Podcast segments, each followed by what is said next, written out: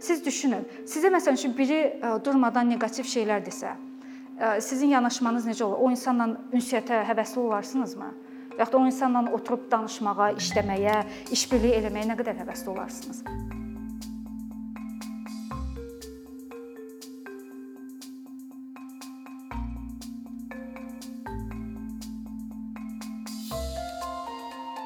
Deməli müxtəliflikdən mən niyə danışmağı daha çox başladım? Çünki inklüzivliyin mənə görə araşdırmalarımdan sonra inklüzivliyin birinci nömrəli təməli müxtəliflikdən başlayır. Müxtəliflik olduğu üçün biz inklüziv ortam yaratmaq haqqında danışmağa başlayırıq. Yəni inklüzivliyin əsas belə deyək də konsepti, prinsipi də insanların o fərqliliklərindən, müxtəlifliklərindən asılı olmayaraq hər kəsə bərabər imkanların yaratmasını deyir. Mən ə, başlayım birinci bu inklüziv sözündən tanış olmağımdan. Hardasa ə, sizə danışan tələbə vaxtım, mən tələbəliyim bakalavrda, Azərbaycanda ilk dəfə bakalavrda tələbə olanda bu 20 ildən çox vaxt bundan qabağın vaxtıdır. Bir dənə paraqrafda, şey kitabın lap yuxarı başında bir dənə balaca bir dənə paraqraf var idi. Deyirdi ki, inklüziv təhsili təsvir eləyirdi və orada təhsili təsvir eləyəndə Yəni mən fikirləşirdim ki, inklüziv təhsil nədir? Orda təsvir eləyəndə necə deyirdi? Əlilliyi olan və olmayan uşaqların bir yerdə oxuması. Amma indi mən bunu belə ifadələrlə deyirəm. Kitabda yazılmışdı ki, şey şikəst olan uşaqların olmayan uşaqlarla bir yerdə oxuması. Və mən sizə deyirəm bu hardasa 2002-ci, o 2001, 2002-ci il o dövrlərdə oxuduğum kitab idi rus dilində idi kitablarımız və onda düzün desəm bizə də təhsilimizdə daha çox nəyi öyrədirdilər ki, əlilliyi olan insanlar, onlar şikəstdir, onlar sərbəst həyat qura bilməzlər, sərbəst yaşaya bilməzlər. Ona görə də mən ümumiyyətlə o bir balaca paraqrafda yazılan o inklüziv təhsili beynimdə belə konsept olaraq canlandırmaqda çətinlik çəkirdim ki, bu necə ola bilər? Axı bu insanlar bir yerdə bir arada necə oxuya bilərlər? Nəsə uzun sözün qısası, belə uzun illər keçdi aradan.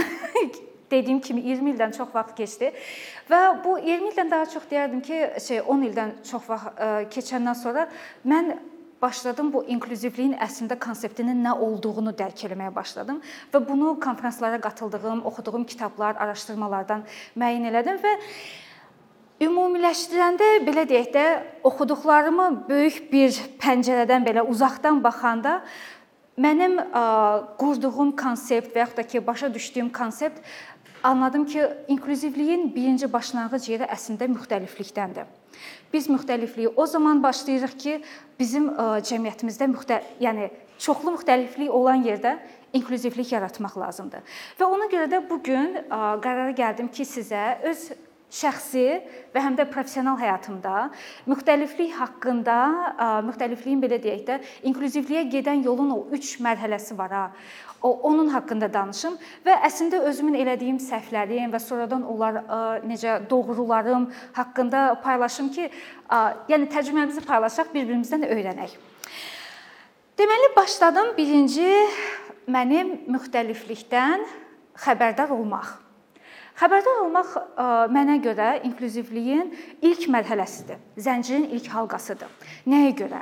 Mən müxtəlifliyi e, özüm öz şəxsi həyatımda 9 yaşında e, öyrəndim. Məsələn üçün mənim anam iş qəzası keçirdəndən sonra orada ömürlük fiziki əlillik qazandı. Məsələn, onda ilk dəfə mən gördüm ki, mən sizə danışan 90-cı illərin əvvəllərindən, onda ilk dəfə gördüm ki, əslində Yəni insanlar mənim kimi cəld qaça da bilmirlər. İnsanlar mənim kimi səlis e, danışa bilməyən insanlar da varmış.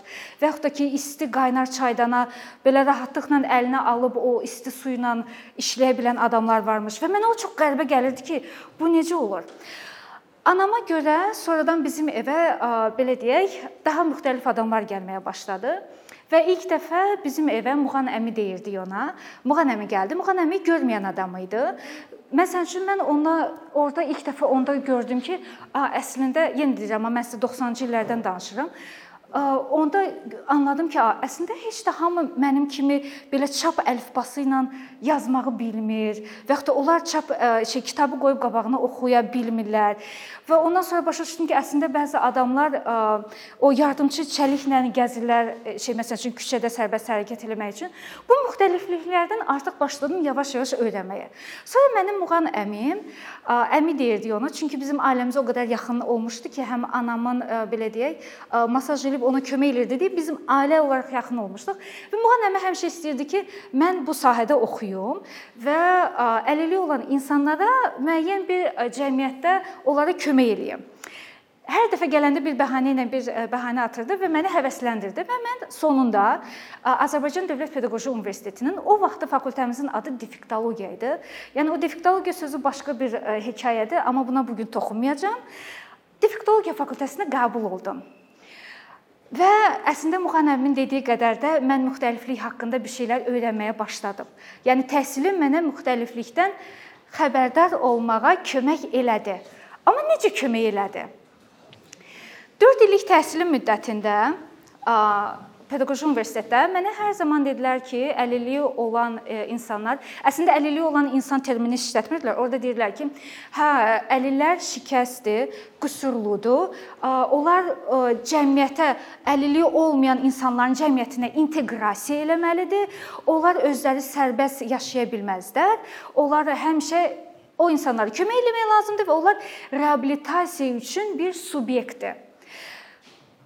Mən məsəl üçün amma evdə gəlirdim mən onun tərsini görürdüm. Mənim Muğan əmim özü çox sərbəst gəzirdi, bizə gəlib gedirdi. Mənim anam özü öz yeməyini bişirirdi, hətta qızlarının da paltarını yuyurdu, bizə də kömək eləyirdi. Buna baxmayaraq o təhsilin o gücü var ha. O təhsilim məni inandırmışdı o diskriminativ fikirlərə ki, əslində əlilliyi olan e, şikəst insanlar, belə deyək də, yardımçı, yardıma ehtiyacı olan insanlardır. Və mən artıq həm anama, həm də Muğan əmmimə artıq yardıma ehtiyacı olan bir insan subyekt kimi baxırdım ki, a, bunların həmişə köməyə ehtiyacı var. Sonradan nə oldu? Pedaqoji universiteti bitirəndən sonra professional həyatımda da düzün desəm, o düşüncədən çox da uzaq deyildim. Yəni sistemin o düşüncəsindən uzaq deyildim. Mən orada eşitməyən uşaqların üçün xüsusi internat tipli məktəb var. İndi adı sağlamlıq imkanları məhdud olan uşaqlar üçün xüsusi internat tipli məktəb gedir. Məsələn, o məktəbdə mən ə, işləyəndə eşitməyən uşaqları o vaxtda ə, lalkar deyirlər və mən çalışırdım ki, o lal uşaqların belə deyək də dilini açım, onları bizim bu eşidən cəmiyyətimizin tərkib hissəsi eləyim. Çünki təhsilim mənə onu öyrətmişdi ki, əslində onlar bizim cəmiyyətin tərkib hissəsi deyillər. Onlar başqa dünyanın adamıdır və onlar bizim dünyanın adamı. Bizim dünya deyəndə eşidən, əlilliyi olmayan dünyanın adamları olması üçün onlar öz qüsurlarını düzəltməlidirlər. Və bu düşüncə ilə mən illərlə böyüdüm və həm şəxsi, həm də təhsilim sayəsində mən müxtəliflikdən xəbərdar oldum. Amma 2014-cü ildə bir konfransa qatıldıq. Orxando konfransda idi. Biz orada ilk dəfə inklüziv cəmiyyət haqqında, inklüzivliyin prinsipləri haqqında bizə yeni məlumatlar verdilər. Və mənim üçün bu bir şok idi. O həmin konfransdan sonra əslində mən başa düşdüm ki, dərk elədim ki, mən müxtəlifliyin, müxtəliflikdən xəbərdar idim, amma əslində müxtəlifliyi başa düşmürmüşəmmiş. Bunu necə oldu şey real həyatımda? Məsələn, müxtəlifliyi başa düşmək necə bir proses oldu mənim beynimdə?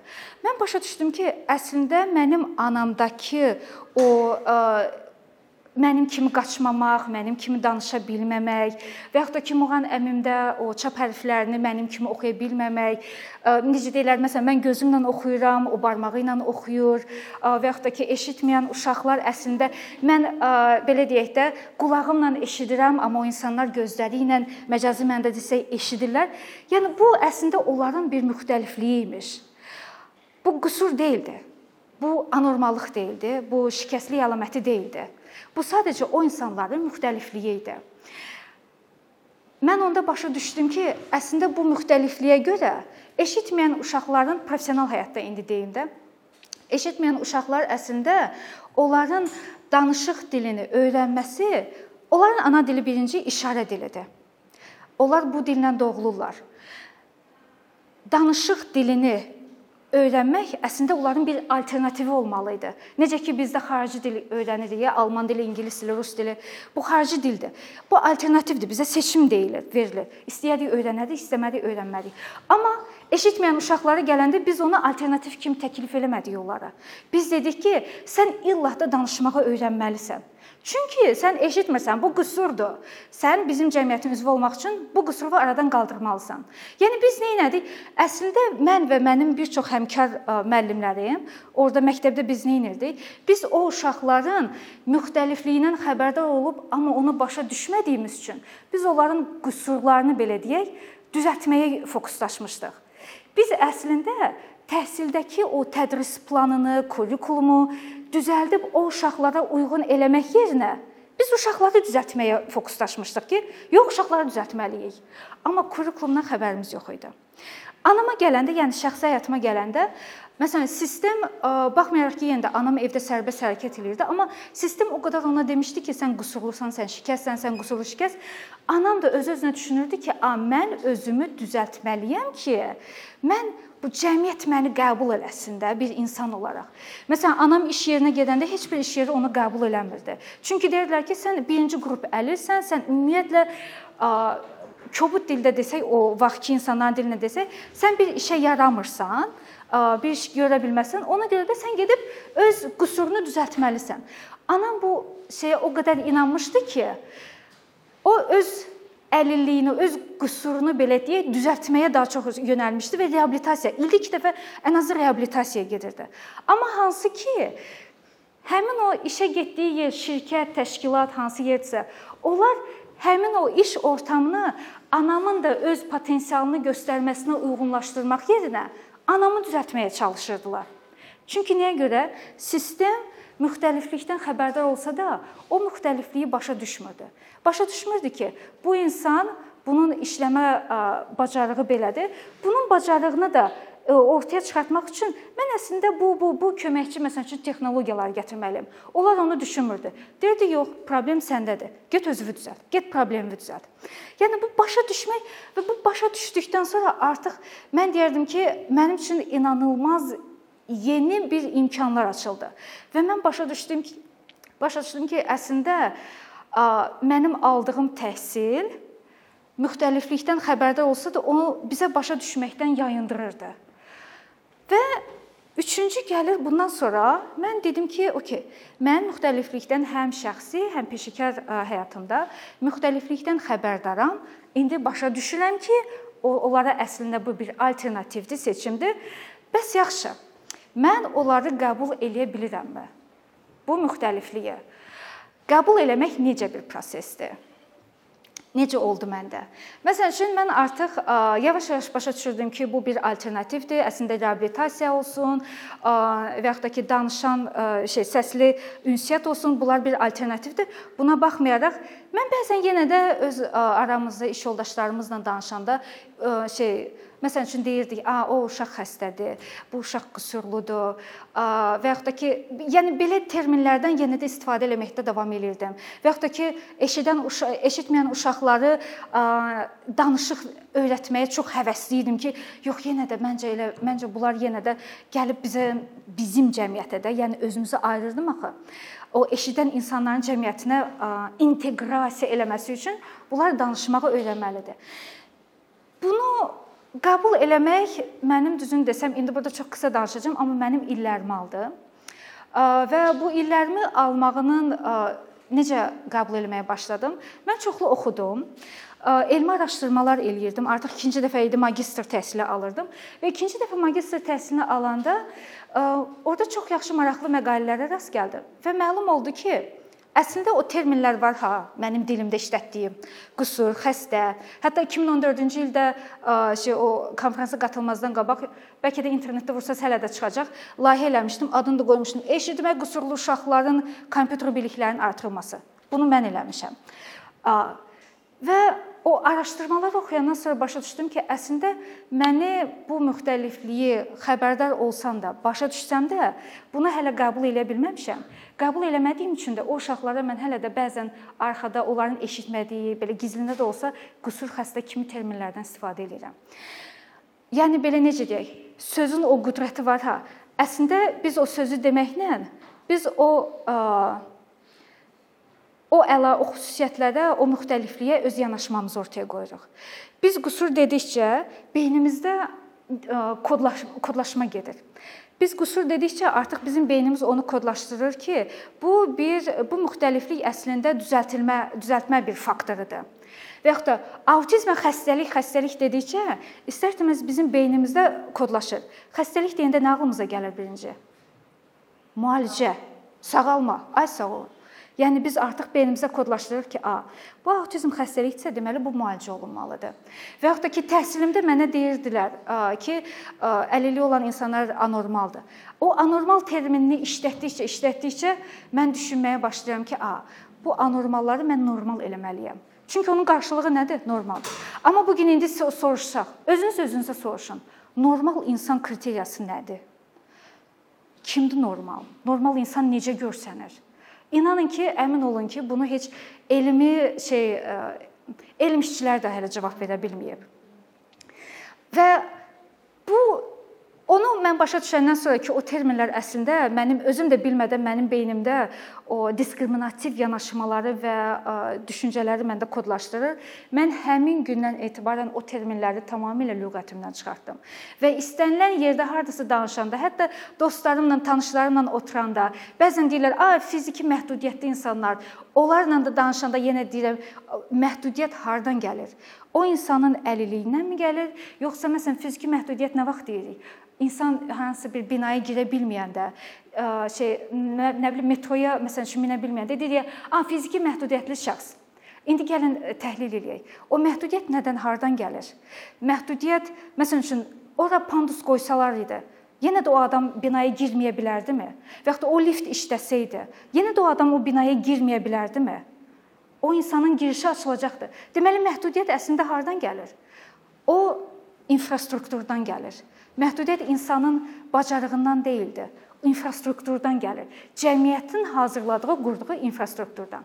Yəni bu yəni dostlarımla, kimlənsə oturub danışanda belə mən yenə də artıq başladım o terminləri yavaş-yavaş ümumiyyətlə öz lüğətimdən çıxartdım və insanlara da aşılayıram ki, o lüğətdən o terminləri çıxardım. Məsələn, təlimlərimdə çox məşhur istifadə edirəm, tabu sözlərim var mənim e, tabu ifadələr, yəni işlədilməsi qadağan olunan ifadələr və bu ifadələr e, deyim ki, bu siyahını mən keçdiyim, danışdığım təlimlər əsasında hazırlamışam.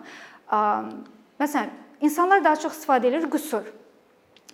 Bunun yerinə mən təklif edirəm sadəcə əlilliyi olan insan. Məsələn üçün təlimlərdən birində bu innovativ direktorlar təlimi keçmirdik. Orda e, məktəb direktorlarının biri çox maraqlı əslində bir fikir səsləndirdi. Dedi ki, siz mənim qüsur demək e, haqqımı, hüququmu əlimdən alırsınız. Əslində çox yaxşı, maraqlı e, bir yanaşma idi, fikir idi mən deyərdim. Hətta mən təşəkkür elədim o iştirakçıya. Nəyə görə? Çünki mən əminəm ki, orada o tək deyildi və bir çox insanlar da o fikirdədir ki, qüsur demək onların haqqıdır. İndi gəlin tərəzinin o birisi gözünə baxaq.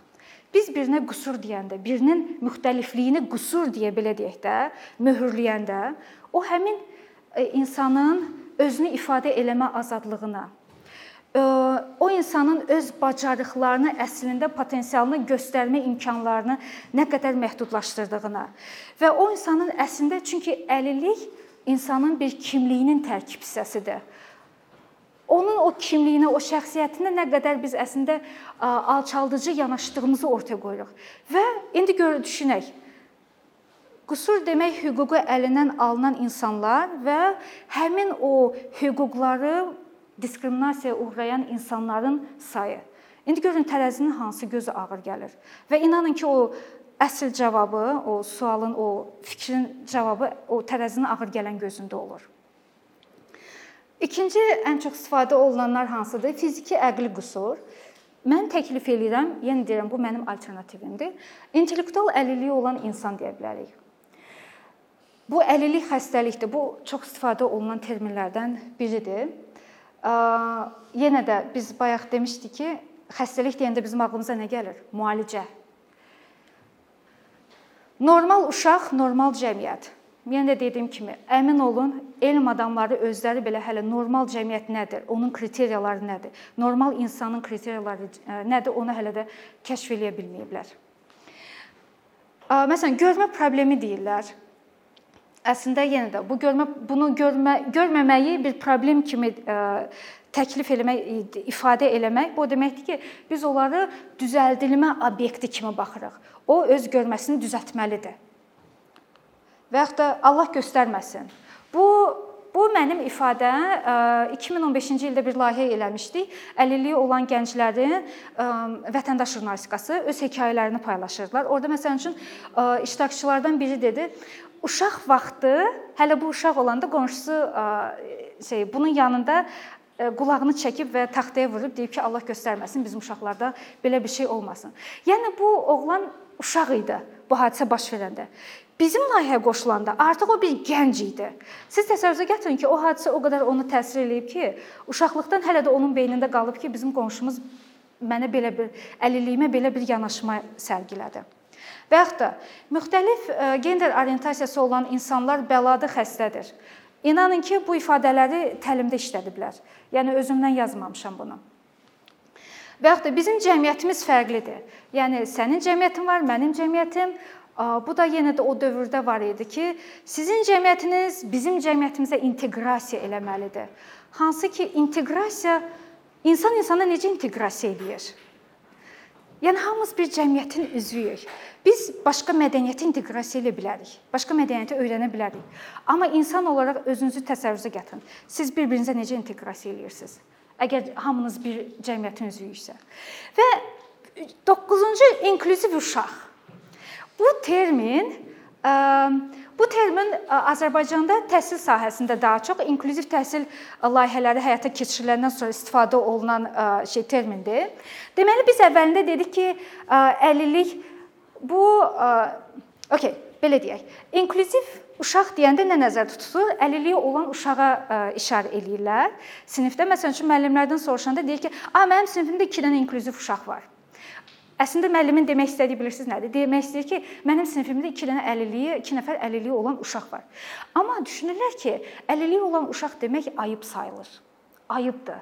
O uşağı mən deməyim. Ona görə inklüziv inklüziv sözü çox pozitiv sözdür. A, hamı bunu e, şey e, bəhbəhlə istifadə eləyir, pozitiv enerji verir. Ona görə mən əlillik uşaq yerinə inklüziv uşaq deyim. Buna əslində əlillik sahəsində buna yersiz mübaliğə deyilir. İngilis dilində eufemizmdir. Yəni siz bəzi əlilliyi olan insanlar əlillik haqqında danışmağı ayıb sayırlar və onu maksimum gizləmək üçün təmtəraqlı ifadələrdən istifadə etmək. Buna yəni elmdə eufemizm deyilir və indi bizdə Azərbaycanda da bu ifadə daha çox istifadə olunur. Mənim sinifimdə 2 inklüziv uşaq var. Hansı ki onun yerinə əlilliyi olan uşaq. Çünki yenə bayaq nə dedik? Əlillik əslində insanların kimliyinin tərkib hissəsidir. Necə ki, hər sizin xarakteriniz sizin şəxsiyyətinizin bir parçasıdır. Əlillik də eynən elə bir şey. Və mən təlimlərdə nə deyirəm? Deyirəm ki, bu terminlərdən birini istifadə eləyəndə düşünün ki, siz iş yoldaşlarınızdan, sinif yoldaşlarınızdan, nə bilim, məhəllə e, yoldaşınızdan birini itirirsiniz əslində. Çünki bu insanlara diskriminativ terminləri işlətdikcə, o diskriminativ terminləri dedikcə siz düşünün. Sizə məsələn üçün biri e, durmadan neqativ şeylər desə, e, sizin yanaşmanız necə olur? O insanla ünsiyyətə həvəsli olarsınızmı? Və ya da o insanla oturub danışmağa, işləməyə, işbirliyi eləməyə nə qədər həvəsli olarsınız? Onu düşünün. Və mənim hə, mən həmişə bunu deyirəm ki, bu terminləri işlətsək, əmin olun ki, siz iş yoldaşlarınızdan birini itirəcəksiniz. İş yoldaşlarınız sizə özləri haqqında danışmaqdan daha çox çəkinəcəklər. Özlərini ifadə etməkdən. Yəni insanı özünü özündən uzaqlaşdırır. İnklüzivlik deyəndə mən sadəcə indi bugünkü şey çıxışında əlillik onun çox kiçik bir hissəsi var. Əlilliyə toxundum çünki mənim həyat və elmi təcrübəm o sahədə daha çox dərinləndir. Amma müxtəliflik sadəcə ondan ibarət deyil. Müxtəliflik dində var, fiziki görünüşümüzdə var, bizim dilimiz var, müxtəlif irqlər var, müxtəlif nə bilim millət var, müxtəlif iqtisadi, sosial durumu olan insanlar var. Yəni istədiyiniz qədər en sayda müxtəlifliyin siyahısını şey çoxalda bilərsiniz. Mənim indi ağlıma gələnlər budur. bu inklüzivliyi qəbul eləmənin əslində xeyirləri mən deyərdim ki, inanın ki, ziyanından daha çoxdur. Bir məsələn üçün deyə bilərəm, müxtəlifliyi məsələn binaların tikintisində əgər biz şey mühəndislərimiz daha çox dərk eləyəndə ki, əslində insanlar hamı pilləkəndən istifadə eləyə bilmir və ya da hamı o itəlib qapını açmaq açaraqdan binaya girə bilmir. Onu dərk eləyəndə alternativ qoysalar, binalara alternativ qoysalar, o binaya giriş eləyən sadəcə əlilliyi olmayan insanlar olmayacaq. O binadan istifadə edən auditoriyanın sayı çoxalır. Məsələn, siz hər hansı bir belə deyək də, informatik şey software proqramı hazırlayırsınız. O proqramı hazırlayanda əgər ona əlçatan hazırlaya bilirsinizsə, yəni ona ingilis dilində o accessible deyirlər. Yəni əlçatan şəkildə hazırlaya bilirsinizsə, sizin o məhsulunuzdan istifadə edən sadəcə bir nəfər olmayacaq. Bir neçə nəfər olacaq. Yəni sizə geri iqtisadi cəhddən də geri dönüş daha çox olur. Və yaxud da ki, bunun sosial dönüşü necə olur? Sosial cəhətdən də insanlara, əlilliyi olan insanlara əslində onlardan xəbərdar olub, onların müxtəlifliyini başa düşəndə siz orada şirkətinizdə o insanların işləməsi üçün şərait yaratmağa başlayırsınız. Məsələn, görməyən gənci işə al, əvvəllər məsələn düşünürsüz ki, "A, görməyən gənc məndə nə işləyəcək? Kompüterdə işləyə bilmir, yaza bilmir. Mən onu nə edirəm?" Amma siz onun müxtəlifliyini başa düşəndən sonra, məsələn üçün siz onun çox klaviaturalar ala bilərsiniz. Müəyyən bir girişi üçün zolaqlar var. Onlardan istifadə edə bilərsiniz və bu insan sərbəstlik qazanır, özü öz həyatını, belə deyək, öz gəlirini qazanır. Və artıq dövlət belə deyək, bir nəfərin qeydinə qalmaq imkanı artıq azalır. İnsan özü sərbəst çalışmağa başlayır, sərbəst həyatını yaşayır. Və bunu yəni o sosial tərəfindən də gəliri var. Yəni düşünək ki, o insanlar hamımız kimi, yəni biz hamımız necə İstədiyimiz vaxt restorana getmək istəyirik. İstədiyimiz vaxt istədiyimiz metrodan gedib başqa yerə getmək istəyirik. İstədiyimiz vaxt nə bilim istədiyimiz şeyi oxumaq istəyirik. Yəni bu hamının istəyidir, inanın. Yəni bacarığımızdan, müxtəlifliyimizdən asılı olmayaraq. Bunu ona görə məsələn xüsusiləşdirmək ki, bəzən də ifadə işlədirik. Xüsusi ehtiyacı olan insanlar. Adı xüsusi ehtiyacı olan insanlar termini götürək. O nədən yaranır xüsusi ehtiyacı? Xüsusi ehtiyac deyəndə nə nəzərdə tutulur? İnsanın təhsilə girişini əldə eləməsi, bu niyə xüsusi sayılır? Onda hamımızda o xüsusi olmalıdır da. Çünki hamımız təhsil almaq istəyirik. Və yaxud da insan istədiyi vaxt restorana gedib dostlarına oturub əylənmək istəyir. Bu niyə xüsusi olmalı, xüsusi ehtiyac sayılmalıdır? Onda gələk hamımızın da onu xüsusi ehtiyac deyək. Və yaxud da ki, istədiyimiz vaxt evdən çölə çıxmaq istəyirik, amma deyirlər, "A, o xüsusi ehtiyacı olan adamdır, onun üçün belə X, nə bilim, ABC-ni gətirmək lazımdır." Yəni evdən hamımız çıxmaq istəyirik də, gəzmək istəyirik, əylənmək istəyirik. Bunun niyə xüsusi ehtiyac o insana gələndə, niyə məhz o insana gələndə biz ona xüsusi ehtiyac deyirik? Bu yenə də müxtəliflikdən biz xəbərdarıq, amma o müxtəlifliyi başa düşmədiyimiz üçün biz onları xüsusi bir möhür vururuq ki, bu adam xüsusi ehtiyacı var. Və ona görə də bu qəbul mərhələsinə mən toxunmuram. Çünki Mənim ümumi belə deyək, baxışıma görə ümumiləşdirmək istəmirəm, amma mən deyərdim ki, Azərbaycanda hardasa bir %90% bəlkə də xəbərdar olmaq mərhələsində çox yaxşı irəliləyişlər var. İndi biz başa düşmək mərhələsində biraz çalışırıq. Qəbul eləmək mərhələsində daha çox iş görmək lazımdır, amma başa düşmək mərhələsində mənə gəlir ki, başa düşməkdən biraz daha çox işləməyimiz lazımdır. Yəni ümumilikdə mən deyərdim ki, mənə görə inklüzivlik sülhyönümlü cəmiyyətin əsas qurmaq üçün əsas memardır və o memarlığı məncə hamımız öyrənsək belə daha pozitiv, müsbət bir ortamda yaşaya bilərik. Bu qədər. Çox sağ olun. Thank